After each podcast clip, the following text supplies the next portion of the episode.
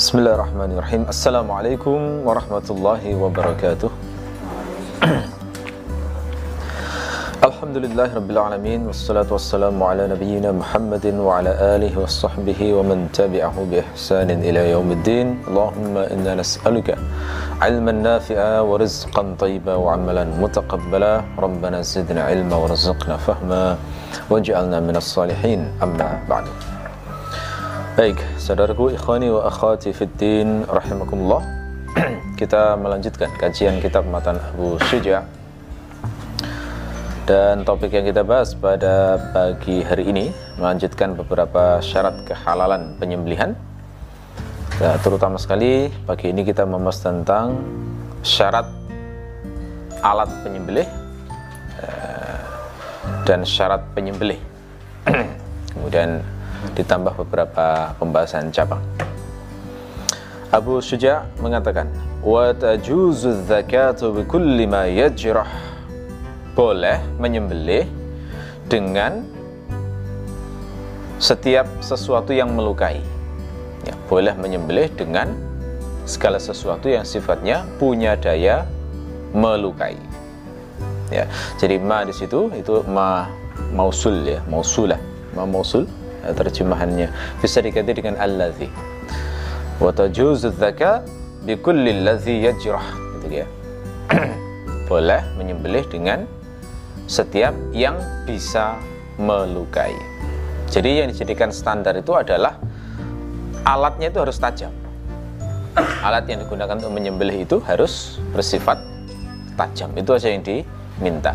Adapun bahannya itu tidak dibatasi ya maka boleh alat yang digunakan menyembelih itu terbuat dari besi boleh.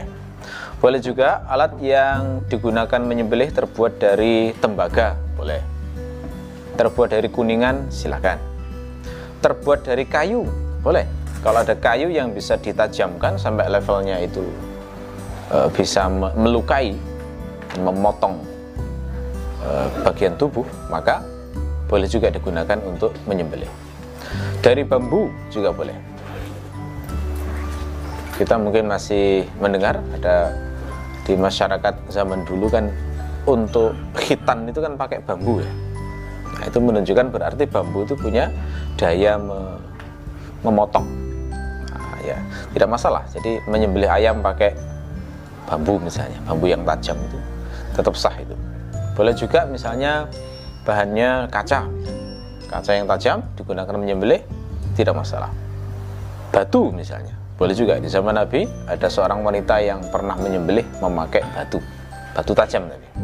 Dan itu diperbolehkan. Jadi syaratnya adalah ia jerah. Ya. Dari emas bagaimana? Boleh. Nggak ada dalil yang melarangnya. Yang dilarang itu kan emas untuk bejana ya, atau laki-laki memakai emas untuk perhiasan itu yang nggak boleh. Tapi kalau untuk menyembelih di sini nggak ada dalil yang melarangnya, maka menyembelih pakai pisau emas misalnya, silakan. Menyembelih pakai pisau perak, boleh. Menyembelih pakai pisau intan, ya. Kalau memang ada tidak masalah. Jadi syaratnya hanya yajrah, jadi harus memiliki daya melukai itu saja. Illa bisinni wadzufri kecuali dengan gigi dan kuku. Nah, itu aja. Yang nggak boleh itu kalau nyembelihnya pakai gigi dan kuku. Baik giginya itu masih berada di rongga mulut, jadi digigit gitu ya, sampai putus misalnya. Atau giginya itu gigi binatang yang digunakan untuk menyembelih misalnya. Nah, itu juga tidak sah. Nah, yang semisal dengan gigi, semakna dengan gigi itu adalah tulang. Jadi menyembelih dengan tulang, karena gigi kan tulang ya. Jadi menyembelih dengan tulang juga tidak diperbolehkan karena didasarkan pada makna gigi ini sekaligus ada dalil lain yang menguatkan. Termasuk juga tidak boleh menyembelih dengan kuku. Baik kukunya sendiri maupun kuku binatang yang lain. Kuku binatang kan ada yang tajam sekali ya, kuku binatang itu ada yang level ketajamannya mirip pisau. Kukunya singa, kukunya burung-burung yang besar itu raja wali itu kan begitu mencengkram itu ngerobeknya kayak benar-benar seperti pisau itu. Ya. Nah, itu tidak sah. digunakan untuk menyembelih. Nah, tapi kalau yang membunuh ini hewan jadi halal. Nah inilah ya agama itu jadinya nggak bisa dilogikakan ya.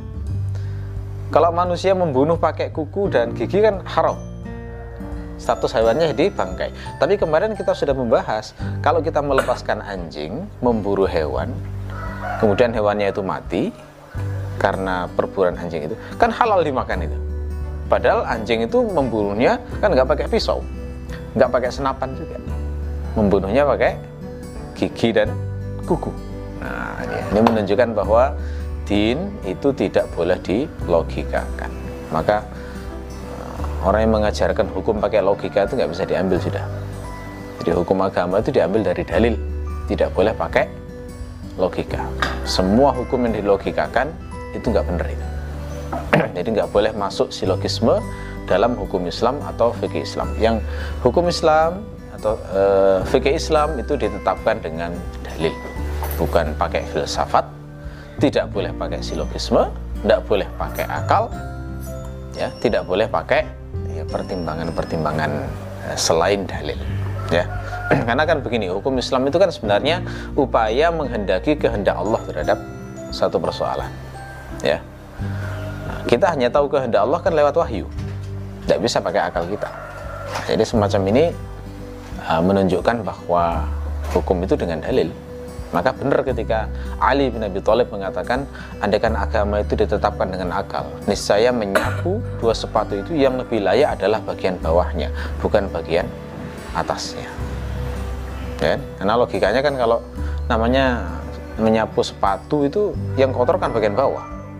Tapi kan ternyata Nabi itu mencukupkan diri mengusap bagian atas sudah sah itu ya menyapu sepatu. Ini menunjukkan bahwa agama tidak ditetapkan dengan akal, tetapi ditetapkan dengan dalil.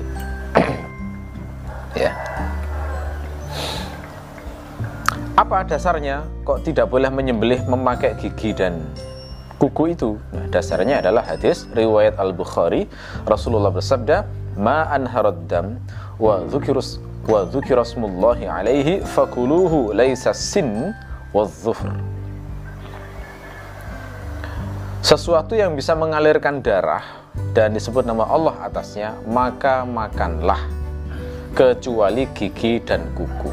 Nah, ini maksudnya kalau menyembelih apa pun silahkan yang penting bisa mengalirkan darah dengan deras.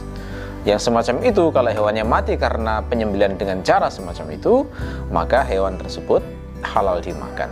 Illa kata Nabi ya laisa laisa sin wadhufur kecuali gigi dan kuku. Ini menjadi dalil kenapa dikecualikan alat menyembelih itu tidak boleh eh, berupa gigi atau tulang dan kuku. ya, jadi ini masuk rukun penyembelihan sebenarnya ya. Jadi karena menentukan kehalalan uh, hewan sembelihan.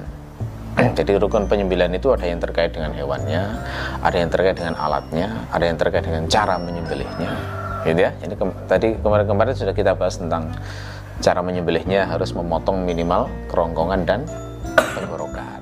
Gitu ya. Lebih sempurna kalau uh, memotong uh, jugular vein. Apa itu namanya? Vena jugularis yang ada di sini dia ya. Saluran darah yang menghubungkan antara jantung dengan otak hewan. Nah itu itu sempurna ya. Ada yang terkait dengan uh, hewannya hewan yang disembelih itu yang halal kan tertentu saja. Ya, babi kalau disembelih meskipun caranya syar'i pakai bismillah ya tetap haram gitu ya. Jadi itu. Nah ini membahas tentang alatnya. Alatnya semua boleh kecuali e, gigi atau tulang dan kuku